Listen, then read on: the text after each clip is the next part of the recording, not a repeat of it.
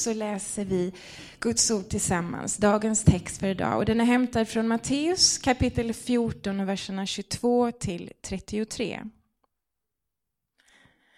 Strax därefter befallde han lärjungarna att stiga i båten och fara i förväg över till andra sidan sjön, medan han själv sände iväg folket. När han hade skickat iväg dem gick han upp på berget för att vara för sig själv och be.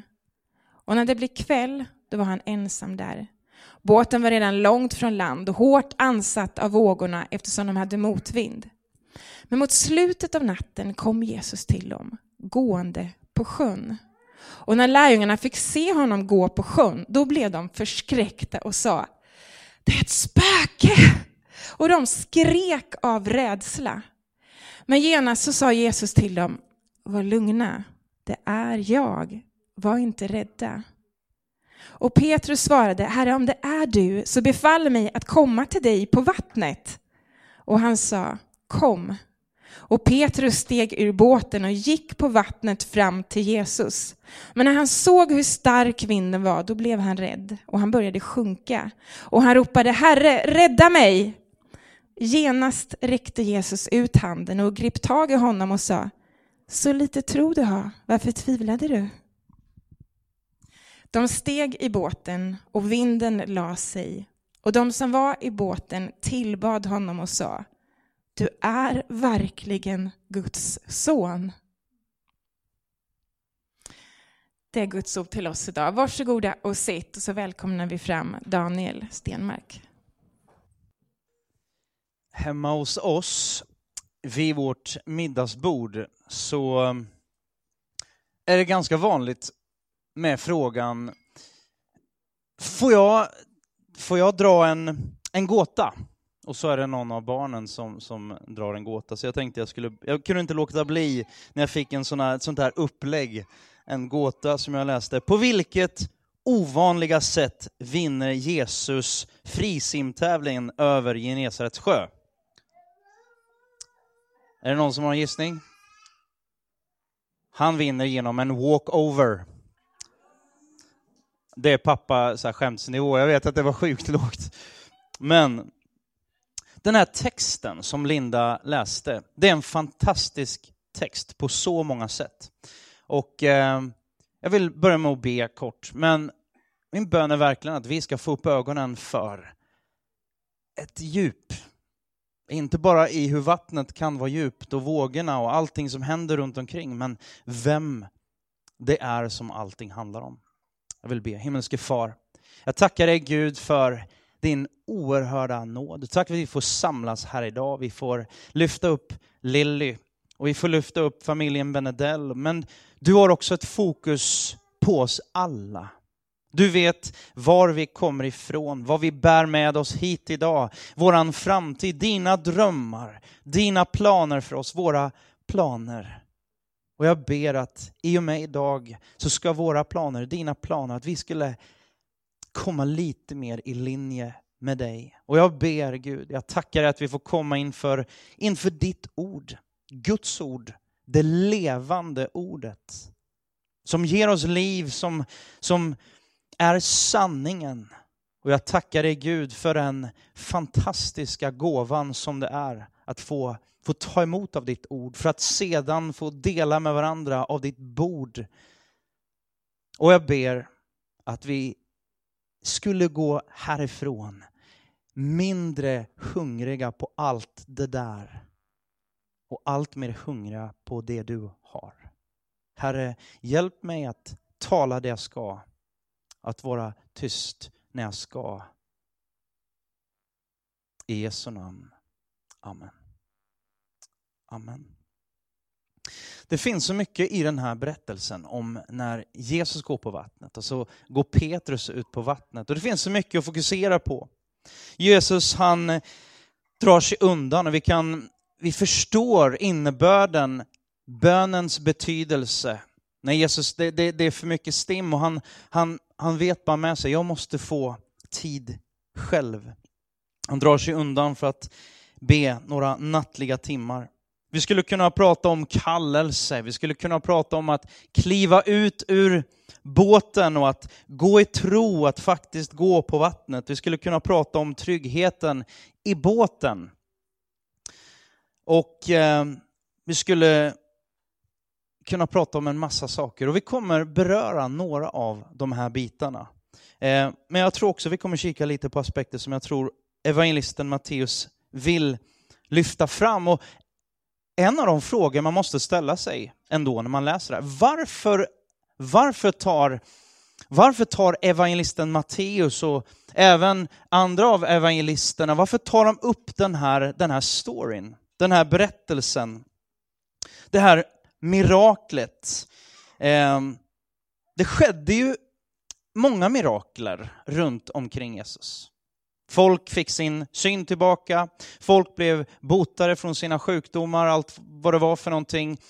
De blev befriade, till och med en, en, en Lazarus som väcktes från de döda. Men den här storyn skiljer sig ganska, ganska markant från, från flera andra. Och det är bland annat det att den, det här miraklet, det är ju inte i, i, inför ögonen på folkmassorna. Utan det är egentligen bara inför ögonen på hans bästa vänner, hans närmsta vänner, lärjungarna, mitt ute där på vattnet. Och eh, när jag har hört om den här storyn tidigare, som jag har gjort några gånger, både pratat om den själv härifrån och hört andra prata om den och läst den och så vidare. Och så är det så lätt att det tydliga fokuset blir wow, Petrus går på vattnet. Det är så, den, det är så verklig tro ser ut. Och så ska jag försöka gå på vattnet. Och vad har du för vatten? Vad, har, vad sitter du i för båt? Och vad finns det för comfort zone som du behöver stiga ut ur? Och allt det där, det är väldigt, väldigt bra.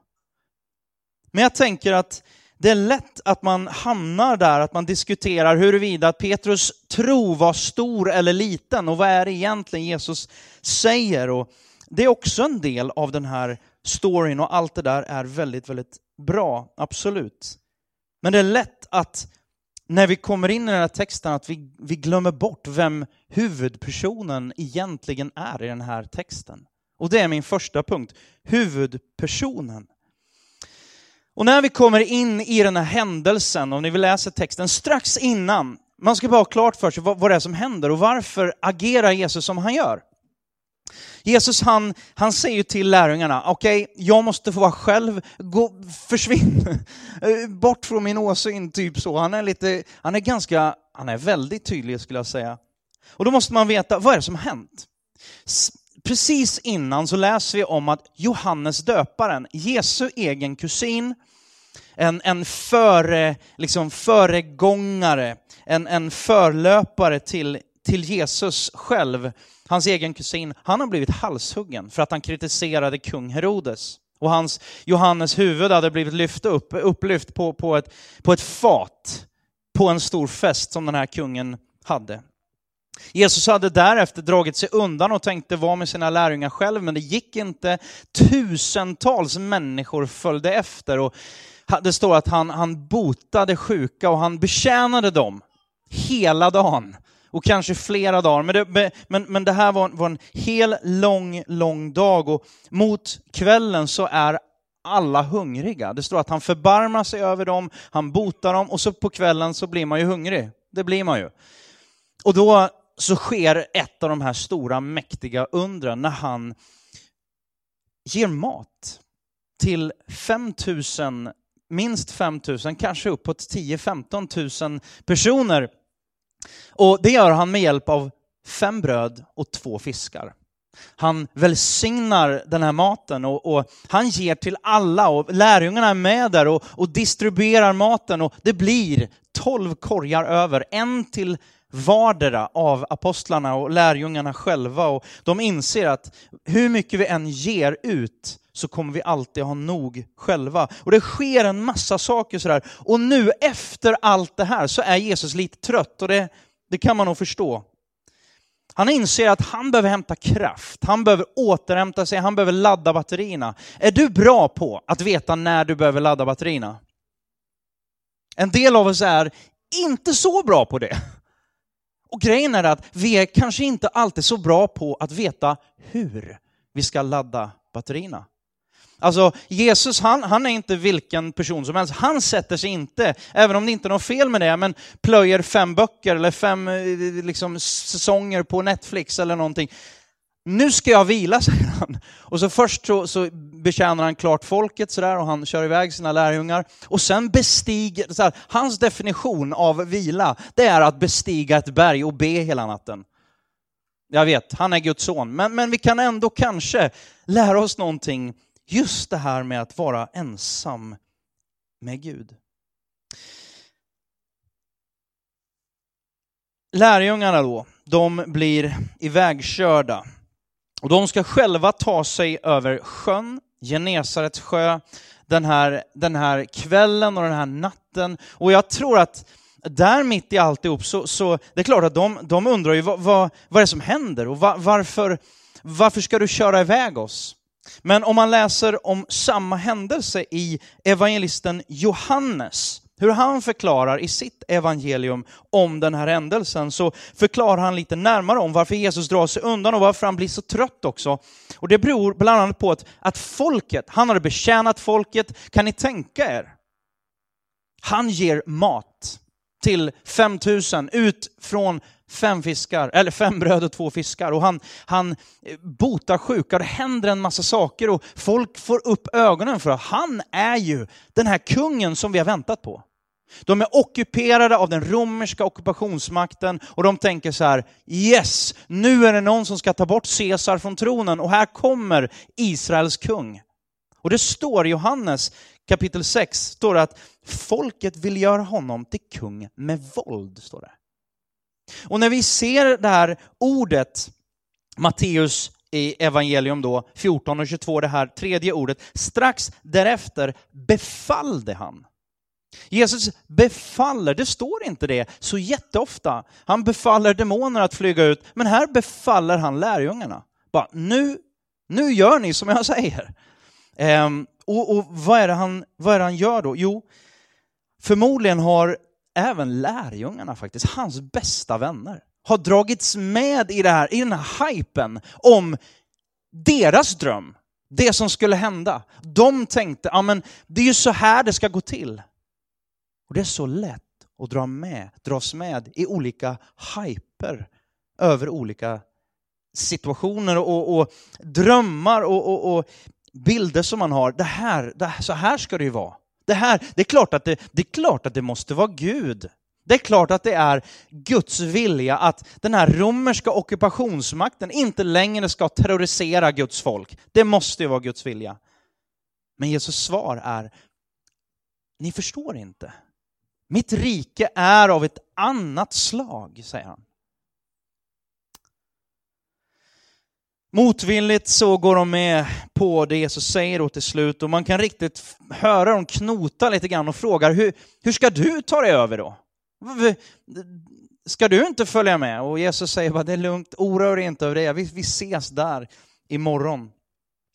Och eh, lite kort bara sådär, Genesarets sjö, det ligger 200 meter under havsytan. Det är som en, en liten eh, skål, eller som en gryta. Eh, och från sjön ser man, jag har inte varit där ännu, eh, jag ser fram emot att få komma dit en dag, men, men från sjön så ska man se då Hemrons, Hermons berg, eh, vars högsta topp ligger 2700 meter över havsytan. Så på ganska kort, korta avstånd så är det en nivåskillnad på strax under 3 kilometer, 3000 meter.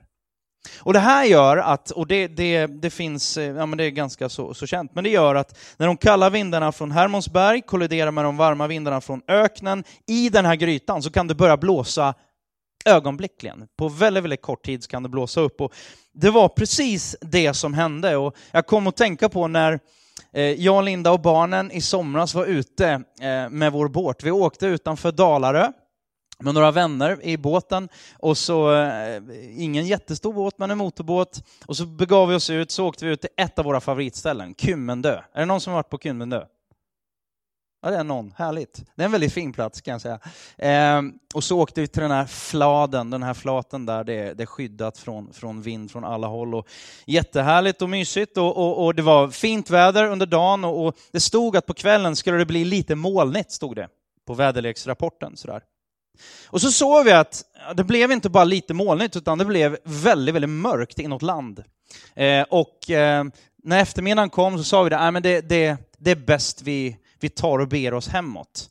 Eh, vi vill inte utmana liksom, vädrets makter för mycket, utan vi åker hemåt så vi inte blir fångade i, någon, i något väder som vi inte vill. Och eh, vi satte fart och naturligtvis, när vi kom till den här ökända platsen, eh, ökända vattendraget eller den här eh, delen av södra skärgården som heter Mysingen, som inte alls är mysig på något sätt, utan snarare tvärtom. Väldigt mycket vind och väldigt vågigt. Där så bara öppnade sig himlen och det öste ner och det började blåsa ganska mycket. Och inte minst, det var ju väldigt otäckt för det började blixtra och ni som har båt känner att man vill inte vara ute i en båt när det blixtrar. Sådär. Då var det inte långt kvar hem och vi bedömde antingen får vi vara kvar ute i skärgården någonstans, men det var inte heller säkert. Så vi, vi for och, och det var bara kanske tio minuter tillbaka hem. Men de tio minuterna, då var man inte kaxig kan jag säga. Och jag tänker på lärjungarna, de sitter mitt ute i den här sjön och det, det var en, alltså Genesarets sjö då någonstans eh, ja, 11, 12, 13 kilometer eh, över så hel, eh, på, på det breda stället från öst till väst. Och de skulle ta sig över och det är orimligt att det tar hela natten om det inte var väldigt, väldigt dåligt väder. Vilket det var. Så de var naturligtvis skärrade, de var rädda. Och Jesus han, han är ändå kvar på det här berget i flera timmar och strax före gryningen, någonstans mellan tre och sex på morgonen så dyker den här vålnaden upp. Ni kan tänka er, de, de är i båten och det, de är livrädda. De, de, vet inte om de kommer gå under, de vet inte om de, kommer, om de kommer klara sig. Och man är inte kaxig i en sån situation. Och plötsligt ser de något som kommer och går på vattnet. Jag vet inte vad ni tänker, men jag, jag tänker bara, det är inte jättekonstigt att de tänkte det här är ju, det här är ett spöke.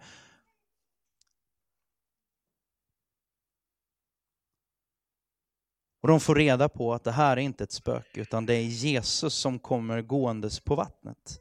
Och jag tror att de inser där att deras bild av honom är begränsad.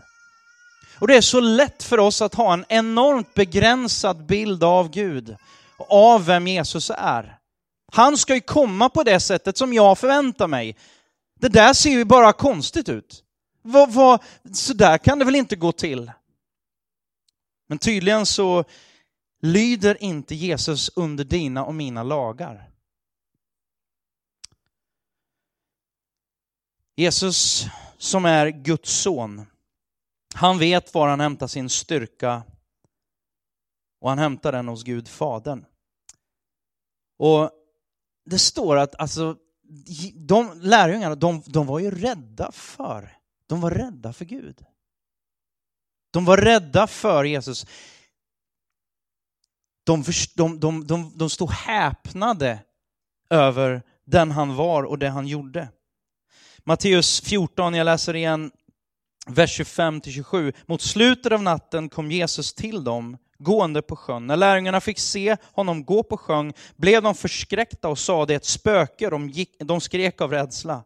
Men genast sa Jesus till dem, var lugna, det är jag. Var inte rädda. Och så står det om Matteus i, i, i 14.33. Och det var de som var i båten tillbad honom och sa, du är verkligen Guds son. Plötsligt är det som att allt det där som, som hade upptagit deras sinnen och känsloliv och precis allting, naturligtvis, när de är så rädda och de sliter och de gör allt de kan för att rädda livet på sig själva, plötsligt så är det bara som att Jesus kommer och allt det där blåses bort. Det är som att det, det går om intet. Allt annat som tidigare var så spännande och gick över till att vara farligt och skrämmande. Allting som tidigare var så självklart föreföll nu oviktigt, i alla fall i jämförelse med den person som var på väg mot dem och som de inser, han har hela skapelsen i sin hand. Han är huvudpersonen för hela skapelsen och hela universum. Jag tänker att de tar sig in i en, en, och de förstår att det finns en annan värld tillgängligt. En annan verklighet, en alternativ verklighet. Petrus säger då, Herre, om det är du, så befall mig att komma till dig på vattnet. Han sa, kom. Petrus steg ur båten och gick på vattnet fram till Jesus. Uttrycket att gå på vattnet, det har ju kommit att beskriva väldigt, väldigt mycket av det här med, ja men det här är omöjligt, att göra det som är omöjligt. Eller om man beger sig ut på för djupt vatten, ja då kanske man har tagit vatten över huvudet och det finns en massa tankar kring, kring det där. Men man kan tycka att det är väldigt märkligt att Jesus förmanar Petrus efter att han har gått ut på vattnet och han har, han har liksom gjort sig mödan att inte bara sitta kvar, utan faktiskt gå ut på vattnet och så börjar han sjunka och som bekant och då säger Jesus, vilken liten tro du har. Och då är en klassiker, jag menar jämfört med de andra lärjungarna som satt i båten så hade väl han stor tro. Men om man tittar på det här ordet då i grekiskan, oligos, eller det sammansatta ordet då, oligopistis, så betyder det liten, men kanske förmodligen ännu mer rätt så betyder det kortvarig. Vilken kortvarig tro, vilken liten, vilken kortvarig tro du har. Jesus adresserar någonting hos Petrus, inte bara en allmän liksom, slap in the face, utan han, han säger bara du, det går väldigt snabbt upp och ner här. Ena stunden så, så, så, så tvivlar han och, och, han är på väg och, och, och han tror att Jesus är ett spöke då. Och så ber han om att få komma ut på vattnet. Och så börjar han gå ut på vattnet för att sedan tvivla igen och börja sjunka. Och jag tänker att han är ganska vanlig helt enkelt. Ganska lik dig och mig. Simon, Simon Petrus var hans liksom, namn. Simon hette han innan Jesus mötte honom. Simon betyder som ett strå eller som ett, ja, som ett grässtrå vajar i vinden. Och Jesus sa, du är inte längre Simon, du är Petrus. Och Petrus betyder klippa. Det är lite skillnad på ett strå som vajar för vinden och klippan.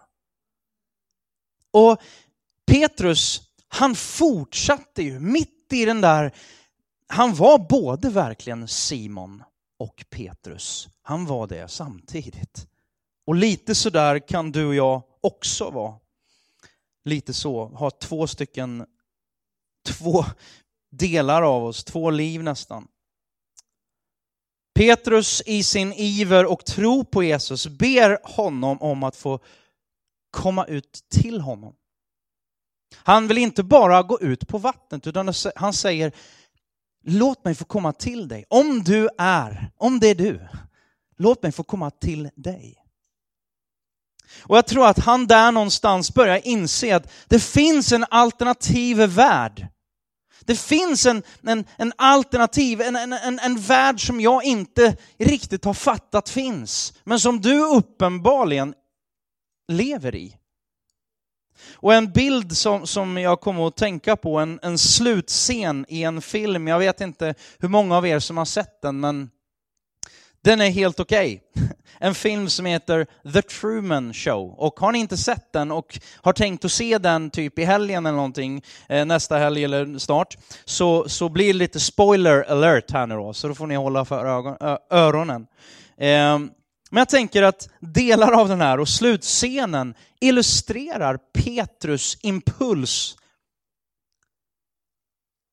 Och du har den här alldeles väldigt vanliga och extremt vänliga och väldigt tillrättalagda mannen Truman Burbank som har i hela sitt liv då helt ovetandes levt i en artis, artificiell skapad värld. En värld skapad av en tv-producent.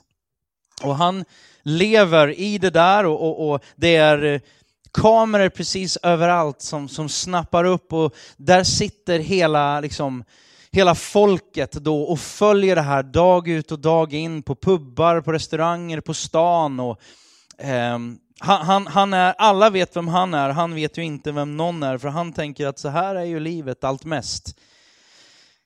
Men så kommer det en dag eh, där han börjar inse, han börjar, det, är något, det är något som inte stämmer.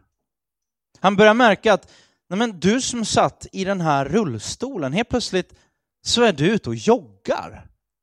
Och han börjar, se, och han börjar inse, det vi vet då, som sitter framför, framför eller liksom på det sättet och bakom kameran, vi inser, vi vet ju om att han är, det är ju bara skådespelare. Så hans fru, hans bästa vänner, hans jobb, allting är bara totalt fake. En fruktansvärd situation naturligtvis. Det är bara fake. Precis allting är på låtsas, det är plast. Ehm, men Truman, han börjar inse att det här är, det är något som inte stämmer. Och så börjar han söka och söka och söka. Och till slut så, nu kommer spoiler alert. Till slut så tar han och sätter sig i sin båt. Och så, så bara, nu ska jag åka till horisonten, nu ska jag ta reda på vad som finns där. Och producenten och hela teamet, de får ju de försöker verkligen att bara se till att han inte ska göra det. Så då kommer den här stormen, då ser de till att det, det stormar på det här lilla havet. I den här bassängen. Det stormar och det har sig. Han, men han ger inte upp utan han tar sig fram. Och plötsligt så är han inte bara framme vid horisonten utan han är framme vid kulissens vägg. Och det tar stopp. Och han inser att den där himlen och den där liksom, eh, the skyline, liksom så. horisonten som han har blickat mot så många gånger, det är bara en, det är en uppgjord kuliss. Och så börjar han trevandes, han blir ju helt förskräckt naturligtvis, och, men börjar trevandes så går han mot den här dörren. Han går upp för den här trappan mot den här dörren och så hittar han ett handtag där, han trycker in dörren och så, han är både liksom först fullständigt förskräckt, för han inser att hela mitt liv är ju tomt. Men någonting i honom bara reagerar, det finns någonting framför. Och jag tänker att lite grann på det sättet kanske det var för Petrus. Han inser att det finns en annan värld. Det kanske inte, allting kanske inte är precis så som det alltid har varit. Precis som alla tycker och tänker och precis så som det ska vara och vi tycker liksom att ah, men det här, det här, nu har jag koll, nu har jag förklarat hur det ligger till. Där någonstans så inser Petrus att oj, jag inser just att jag vet ingenting. Inte jämfört med det, det liv som finns tillgängligt. Varför ber Petrus om att få komma ut på vattnet? Är det främst för att visa sig störsk och, och modig inför kompisarna? Jag tror inte det. Det fanns säkert, när vi läser om Petrus så kanske det inte är helt otroligt att det, det var en liten krydda i det hela. Men jag tänker att Petrus, han förväntar sig nog inte att en promenad på vattnet kommer lösa alla problem, att han kommer och, och, och liksom få svar på alla livets frågor. Men kanske någonstans så finns det en önskan i Petrus om att, att komma in i den transcendenta världen som går någonstans utanför det du och jag kan förklara. En alternativ verklighet. En verklighet som han har börjat skönja. Precis som, precis som Truman. Han bara, det, det, det är något som inte stämmer. Alltså, tänk om, tänk om det är möjligt. Jag tror vi alla brottas, och jag hoppas att det gör det, att vi inte har gett upp. Men kanske är du där, där du tänker bara, nej, jag vet inte om jag kan, jag vet inte om jag kan tro att det här funkar. Jag vet inte om jag kan tro att Gud är med. Men kanske det är någonting i dig som ändå bara så här, det måste gå. Jag har sett för mycket, jag har, jag har börjat skönja, jag tror att det var det som Petrus, det drev honom ut att vara där Jesus var, utanför gränserna, där det inte går att vara. Han hade börjat se att nej men, helt plötsligt så botar Jesus sjuka, det går ju inte. Han, han ger mat till 5000 genom bara fem bröd och två fiskar. Det går ju inte. Det är så mycket som inte går för dig och mig. Petrus ville dela Jesu obegränsade verklighet. En annan alternativ verklighet.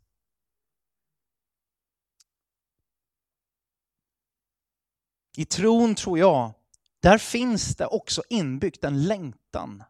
En längtan efter och en, en syn, en blick, en, en röntgenblick om du vill. Som, som ser på tillvaron, bara inte utifrån, bara, ja men det är uppenbart. Så här är det ju, så här har det alltid varit. Trons ögon ser längre. Trons ögon ser lite djupare. Trons ögon kanske kan se på en på jobbet, en kollega som behandlar dig, mig, elakt. Med trons ögon så kan man börja se den här personen i ett annat ljus. Med trons ögon så kanske man kan se på en situation som reser sig upp emot en och man tycker bara det här är, det här är bara för mycket, jag klarar inte längre. Med trons ögon så kanske inte, kanske inte allt blir lättare och löser sig omedelbart, men med trons ögon så kan man börja skönja ett annat, en annan verklighet. Faktum är att Gud, Gud kallar oss och han säger till oss genom sitt ord på så många sätt. Han säger, våga se världen utifrån ett annat ljus. Hur ska jag då kunna se världen utifrån ett annat ljus? Jo, du behöver utmana din verklighet. Om man tittar då på de här sista orden och sista verserna, tre verserna i texten vi läste. Men när han såg hur stark vinden var blev han rädd. Han började sjunka och ropade Herre, rädda mig. Genast räckte Jesus ut handen och grep tag i honom och sa, så lite tro du har, varför tvivlade du? De steg i båten och vinden la sig och de som var i båten tillbad honom och sa, du är verkligen Guds son. Petrus, han utmanar sin egen verklighet. Han ser ju att oj, jag, jag är ute, jag, jag, jag går på vattnet. Jag, jag, det här håller inte, jag kan ju de facto inte göra det här. Men det han gör är att han, han försöker inte att blåsa upp sig själv. Utan han vänder sig till Jesus och säger hjälp. Och det står också omedelbart sträckte Jesus ut handen och drog honom upp. Petrus, Petrus insåg sin egen ofullkomlighet.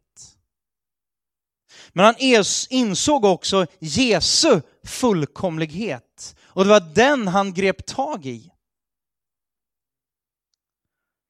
Han insåg att hos Jesus finns oanade möjligheter. Och han bestämde sig för att han ville vara en del av Guds verklighet. Av Jesu verklighet. Du och jag är kallade. Och om du inte visste det innan, så hör vad jag tror är Guds kallelse till oss alla. Du är kallad att vara del av en större, en alternativ, en rikare verklighet. Inte verklighetsflykt, Där vi flyr och bara, nej, vi vill inte ha, vi, vi, vi, vi vill leva och så går man upp i molnen och så, så är, nej. Jesus var högst verklig. Han var tydligen inte rädd för den här världen. Men han levde samtidigt med en annan verklighet för ögonen. Och Guds kallelse till dig och mig, det är att inte bara leva enligt vårt tredimensionella system med våra G-krafter, naturlagar och finansiella system och allt det där som kan hjälpa eller skälpa, men ingenstans så står det i Guds ord och i Bibeln att det är det vi ska sätta vår tilltro till. Vi lever med det, vi lever med G-kraften, vi lever med det, det är oundvikligt. Men samtidigt, samtidigt så kallar Gud oss in att ha ett öra, absolut ett öra mot jorden, men ett öra mot himlen. Kanske att du behöver fundera till på vad är det jag ser vad är, det med, vad, vad, vad, vad, är det Gud säger? Vad är det för vatten jag behöver faktiskt gå ut på? Och vad är det för vatten jag är på där jag behöver säga hjälp mig Gud? Jag vill avsluta med att be, men innan jag gör det så bara vi kommer ha en, en stund, vi kommer fira nattvard alldeles strax. Vi får ta, ta emot av Guds ord och vi ska få fira tillsammans inför Guds bord. Fira nattvard tillsammans. Ta tillfället i akt. Ropa till Gud i samband med, du kanske gör det i ditt hjärta redan nu, vi ska lovsjunga. Men ta emot. Det är helt gratis. Det kallas för nåd. Du kan inte förtjäna det. Men det finns en annan dimension som Gud kallar dig in i. Där du behöver ta ett par steg, be Gud om hjälp Kanske vill du ta och behöver ta några steg idag. På er vänstra sida så kommer vi ha en, en stund, eh, kommer ha tillfälle i alla fall, eh, till att be. Det kan vi göra även där vi sitter, men också ett tillfälle att få förbön, gå och sätta sig och kanske skriva ner ett, ett bönämne, tacksägelseämne på lapparna och det finns pennor där borta och lämna i den här lilla skålen där borta. Ta emot förbön. Vi smörjer dig gärna med olja, precis som Bibeln säger. Om du är sjuk eller du vet någon som är sjuk eller du dras med någonting, då smörjer vi dig jättegärna med olja och ber en bön för dig. Men jag vill avsluta med att be. Himmelske Far, vi kommer inför dig, vi vet och vi förstår att du, du kom till världen du kom till vår tredimensionella värld och flyttade in i kvarteret där vi bor. Men vi vet och förstår också att du tillhör ett annat rike, en annan värld, en annan verklighet. Och jag ber Gud, inte att vi skulle fly någonstans, men jag ber Gud att du skulle hjälpa oss att leva med ett öra, med en del av hjärtat och definitivt vår syn riktat mot himlen. Himmelske Far, Herre jag ber för varje hjärta. Varje hjärta som längtar, varje hjärta som känner att man är ute på djupt vatten och man klarar sig inte själv. Herre jag tackar dig för att det är en bra plats. Det är en hälsosam plats att vara på. För allt vi behöver göra det är att säga hjälp mig. Så sträcker du genast ut din hand. Och jag ber Gud att du skulle ge oss uthållighet så att vi orkar lyssna in dig, så att vi inte har förutfattade meningar kring hur du ska komma och hur du ska rätta till saker och ting, utan låta dig var Gud. Herre, välsigna oss alla.